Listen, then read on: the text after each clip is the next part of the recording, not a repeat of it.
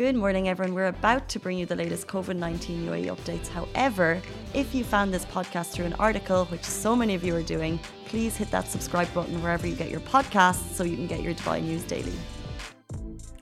Good morning, Dubai. How are you doing? Happy Sunday. Welcome to Lovin Daily, where we take you through the top stories that everyone in Dubai is talking about. Of course, we're still reeling from the press announcement on Thursday, all of the precautions in place that we're trying to follow. So, we will be talking a little bit about that and a lot about how authorities are clamping down across the city to make sure that people are following those guidelines. We'll also be talking about something that we just mentioned before going live a gorilla or a tiger or maybe both has just been spotted in Dubai Marina. If you saw it, drop photos in the comments below because we're looking for a good photo. Amy sent us a good one. We want another one. Um, we believe it could be a statue, uh, but we just heard the helicopter is pretty exciting. But we will we'll run into our biggest story of the day, which is the fact that Saturday was the highest jump in COVID 19 cases in the UAE to date. So that's a very scary figure. 1,007 new cases of COVID 19 were recorded on Saturday, taking the overall number of confirmed cases in the UAE to 78,849. 521 takes the total number of recoveries to 68,983, and there are currently 9,467 active cases in the UAE. Now, this also comes after the fact that 98,287 tests were carried out in 24 hours, which is also, and it's definitely worth noting this if you're seeing the numbers go higher, this is also the highest number of tests which are carried out in one day, which can, which can of course attribute to the high numbers. So we're seeing a thousand number of cases in one day, very, very scary. We're also seeing a high number of tests in one day. Um, so we're trying to follow the guidelines laid out on Thursday at the media briefing. And I think it's important as we jump into our next story that Dubai is clamping down on all violators of COVID 19 precautionary measures. So we're talking about people not wearing masks, we're talking about stores who are not being as careful as they could be. Um, restaurants, whatever it may be. So on Thursday, as you all know, the clear message was to shape up. It's down to us as individuals and this weekend, authorities set out to work to make sure that safety measures were being rolled out across the city. They basically said non compliant establishments will face a penalty or a fine or closure as per enforced regulations, and they did not lie. So, Dubai police have been super busy. They issued 221 violations, over 3,000 warnings in four shopping malls in the Emirate, many for not wearing masks, many for violating the gatherings. And these included violations, I must say, in Dubai Mall, Mall of the Emirates, Dubai Festival City. Uh, we also saw a cafe in Karama area has been closed for a month after video on social media showed their lack of commitment to the measures. We also saw a store in Deira who held a sale. They've been closed, and actually, that store, and we probably, a lot of people saw those videos. Um, they held a sale for two hours. They have been closed, and they've also gotten a fine of 50,000 dirham. I saw the video. You saw the videos? So many people. Mm-hmm. So many people.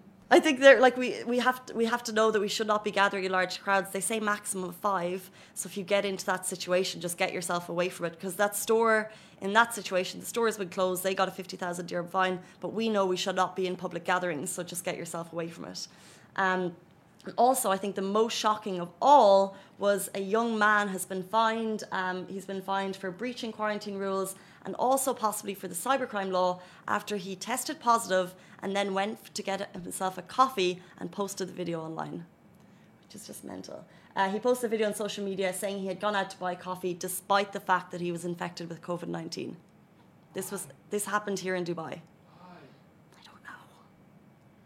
That's like heights of. It's heights of ignorance. The video went viral. Um, we haven't seen it, but Dubai police posted about it. I think what we're seeing is a lot of warnings. We're seeing kind of restaurant industry, retail, um, people themselves. We know a lot of people were fined for not wearing their masks this weekend, and this is a message from Dubai police to just shape up.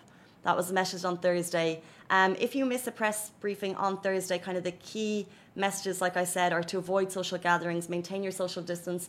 They also said, I think this is a big one for schools, if one case is detected in a school, that school will close for two weeks. And also the fact that if you come into contact with someone who tests positive, and you get your test and it's negative, you still have to quarantine for two weeks. And I think that's really interesting for offices. I think it's really uh, interesting for any work environment because, and I think I just hadn't thought of it before, that the incubation period, it can stay in your body for 12, 14 days, they say. Give or take, I'm not sure. It can stay in your body for 14 days. So if you test negative, it could still be in your body a week later. And that's so interesting for travel requirements because we know that 12% of the new cases mentioned on Thursday, 12% of the rise is from people coming into the country. So they had already tested negative, and then they came into the country and they tested positive later on. So we have to really think about the fact that it can be in your body for 14 days after. So if you do come into contact with someone and you get a negative test, you still have to quarantine. I think we've nearly forgotten about what isolation was like. I think because everything's back to normal, or somewhat back to normal. Mm-hmm. Ev- Everything's back to get, time for us to get back in our box. Oh, exact. Thank you, Chai. Exactly. That's that's exactly what the government was saying. Put us better by Chai. Time for us to get back in our box and remember um, how you know how safe and careful we were during May, and we just need to get back to those times because we don't want to see the numbers um, rising anymore. And I think we were expecting. Uh, maybe we were expecting tougher measures on Thursday. There was, you know, rumors about what could come. Maybe if it was going to be tighter restrictions, curfews, whatever it might be. It did not come. However, the government is basically saying just look after yourselves as individuals, and the numbers will stay low. It's down to every single person. The government can continue giving us fines. They can continue telling us to wear masks, but I'm still walking around and seeing people without masks in Marina. I'm just like, Which is kind of scary. which is which is so scary. I think it's just um, collectively we've become more You know, I, relaxed. I, understand when people are like exercising and they like put it down to take a breather, hmm and then they're back on it, but like just casually walking without a mask not correct. Well, this is the thing because, as per the law, you're allowed to not wear one if you are rigor- rigorously exercising. And also, by the way, if you see kids below six don't need to wear them, Yeah. um, people of determination don't need to wear them. Um, and there's certain- certain rules there. But in general, if you're out and about, you should be wearing one. And if you're not, there's a fine of 3,000 dirham. And they're, you know, like I said, they're going across the malls to make sure that they are enforced. So, guys, um, just do what you can. Stay safe. Wash your hands as always. We'll move on to our final story.